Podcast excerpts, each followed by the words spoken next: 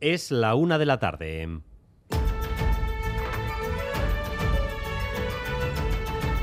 Crónica de Euskadi con Dani Álvarez. A Rachaldeón, récord histórico de votantes por correo para las elecciones del día 23. Nunca se habían solicitado tantos votos como en estas generales. Y eso introduce preguntas en lo que queda de campaña. ¿A quién beneficia este voto anticipado? ¿Esto indicará una participación muy elevada? Me voy de vacaciones el sábado y como hay colas he oído, pues vengo pronto a ver si así puedo votar y evitarme las colas. Ha pasado ya el cartero un par de veces por aquí, eh, por mi casa, y como no estaba, pues vengo a, recoger los papeles y a votar directamente. Y como veo que ahora mismo no hay mucha gente, pues estupendo, y luego ya pues me voy a trabajar. El plazo se cierra a las 10 de la noche y la solicitud se puede hacer todavía en persona o de forma telemática. El voto por correo es ya la estrella de la campaña ahora que Núñez Feijó ha decidido sembrar la sospecha sobre el procedimiento y su limpieza, con ese mensaje a los carteros de que entreguen todos los votos. Este es el asunto. En la jornada de hoy enseguida van a escuchar las voces, también un análisis previo sobre lo que representa esta avalancha de votos por correo y conoceremos en unos instantes también la nueva encuesta del CIS. Además, en los Sanfermines el encierro de hoy ha sido el más rápido de todos. En general ha sido otra vez un encierro limpio, con la excepción de un herido por asta en una zona extremadamente sensible del cuerpo, una cornada en el último lugar donde alguien querría recibir una cornada. Aitor Pérez. Sí, el escalofrío ha sido máximo al ver a forajido un toro negro de 580 kilos con un mozo colgando de su pitón durante varios metros. Era la bajada de Telefónica hacia el callejón y los presentes contenían el aliento viendo el cuerno desgarrando el pantalón. Si bien en un primer momento se hablaba de la pierna, la herida por asta ha sido finalmente en el escroto y a pesar de lo aparatoso de la acogida y lo delicado de la zona, la última hora es que este hombre de 58 años, holandés procedente de la isla de Curazao en el Caribe, ya ha recibido el alta. Así que un y aunque parezca mentira, no ha habido heridos de gravedad en el encierro.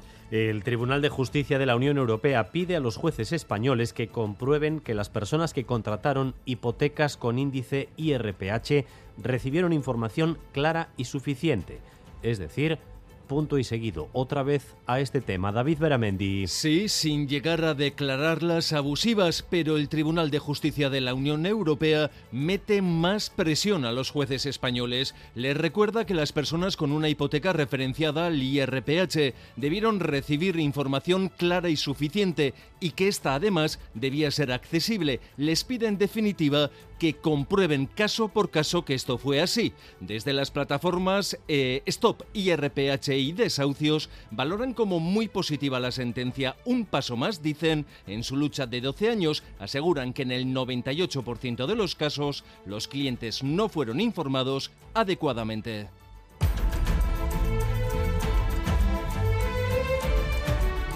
Accidente mortal en el barrio de Gros. Choque entre una moto y un autobús. El motorista ha fallecido. En el lugar se encuentra Laida Basurto. Arrachaldeón, Laida.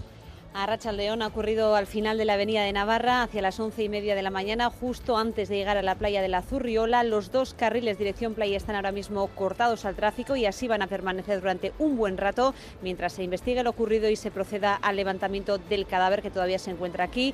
La moto de la persona fallecida está caída sobre la calzada junto a un semáforo, también el autobús. Los atestados están en el lugar y según testigos, tras ser alcanzado por el autobús, el cuerpo del motorista habría quedado atrapado en una de las ruedas del autobús. La víctima, de la que desconocemos todavía la edad, habría fallecido en el acto. Es el tercer motorista que muere en Donostia, Dani, en lo que llevamos de año. La actriz Itziar Ituño protagoniza el cartel de la Semana de Cine Fantástico y de Terror de Donostia. La intérprete se convierte en una bruja ancestral para anunciar la edición número 34 de esta semana que se celebrará entre el 27 de octubre y el 3 de noviembre bajo el lema Sorguiñac, Brujas dos orguiñas, una eh, tiene la luz y otra anda por ahí por las sombras, con esa dualidad. Como soy Géminis, la dualidad bien, me viene bien. El lado más claro tenía una seriedad, una luz amable pero seria, como firme, ¿no? De una sacerdotisa y en el otro lado estaba un poco lo más oscuro, un poco ese movimiento de rabia con lo que muchas veces las mujeres y las orguiñas hemos tirado para adelante. Y vamos también con lo más destacado del deporte con César Pérez Gazolaz. Arrachaldeón, César. Arrachaldeón Dani, el Deportivo Alavés y su afición lanzarán el chupinazo de las próximas fiestas de la Blanca en Vitoria-Gasteiz el día 4 de agosto. Un equipo glorioso que este sábado ya vuelve a los entrenamientos después de lograr el ascenso a primera hace ya tres semanas. Y está decidida la final del torneo de San Fermín de pelota de mañana viernes en el Abrid de Iruña. La van a jugar Iker Razábal y yo Mariz Currena clasificados del martes ante Altuna y Rezusta. Y en baloncesto, noticia de este jueves en el Ointec Guernica, las de la Vía Foral que van a jugar en Europa por séptimo año consecutivo han fichado la lituana Gaby Nikitinaite, décima jugadora ya del equipo de Mario López. En cuanto al tiempo, a medida que vayan pasando las horas, los cielos se irán despejando ya en todo el país, no solamente en el interior, donde eh, los claros se han impuesto, también en la mitad norte, donde todavía hay restos importantes de nubosidad. Es solo el aperitivo de una jornada muy calurosa, la de mañana en la que según Euskalmet las máximas rondarán los 35 grados. De momento, temperaturas bastante lejos eh, de esos guarismos con 23 grados en Pamplona, 22 en Bilbao y en San Sebastián, 21 grados de temperatura en Vitoria-Gasteiz y en Bayona. Por cierto que en nuestro WhatsApp, en el WhatsApp de Radio Euskadi 688-840-840, algunos oyentes avisan eh, de tráfico lento o retenciones en el peaje de Zarautz sentido hacia Bilbao a estas horas. Gracias un día más por elegir Radio Euskadi y Radio Vitoria para informarse. Paula Asensio y José Ignacio Revuelta se encargan de la dirección técnica, Aitziber Bilbao de la coordinación. Crónica de Euskadi con Dani Álvarez.